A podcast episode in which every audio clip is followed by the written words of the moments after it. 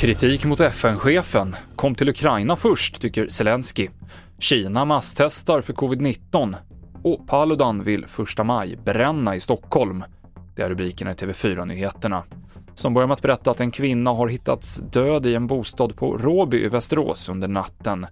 Polisen misstänker brott och en man anhölls misstänkt för mord efter ett inledande förhör. Han och kvinnan kände varandra sedan tidigare, skriver polisen på sin hemsida. Den högerextreme politikern Rasmus Paludan vill hålla valmöte i Uppsala 1 maj.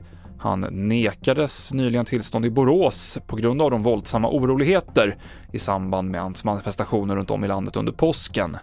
Paludan vill även gå framför Socialdemokraternas första majtåg i Stockholm och samtidigt bränna en koran. Så här säger Anna König Järlmyr, som är moderat och finansborgarråd i Stockholm, om Paludans ansökan. Ja, det här rör sig om en extremist och han är ju bara ute efter att provocera och skapa kaos. Men det är klart att vi har en grundlagsskyddad också rättighet att demonstrera. Eh, så han har ju rätt att göra det, men jag tycker att det bästa i det här läget är att inte ge någon uppmärksamhet. Och sen är det också upp till polisen att avgöra, är det här ett lämpligt tillfälle och plats?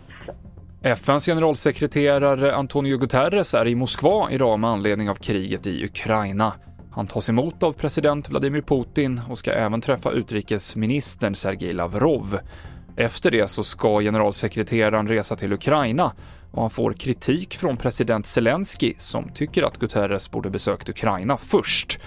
Förhoppningen är att Guterres kan hjälpa till att ordna fram eldupphör för att civila ska kunna lämna belägrade städer i Ukraina. Och Kina utökar masstestningen i sina försök att stoppa coronavirusets spridning.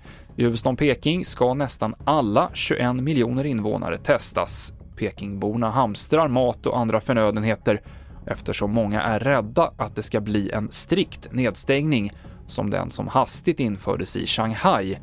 25 miljoner stadens invånare har varit tvungna att hålla sig hemma i flera veckor. Fler nyheter hittar du i appen TV4 Nyheterna. Jag heter Mikael Klintevall.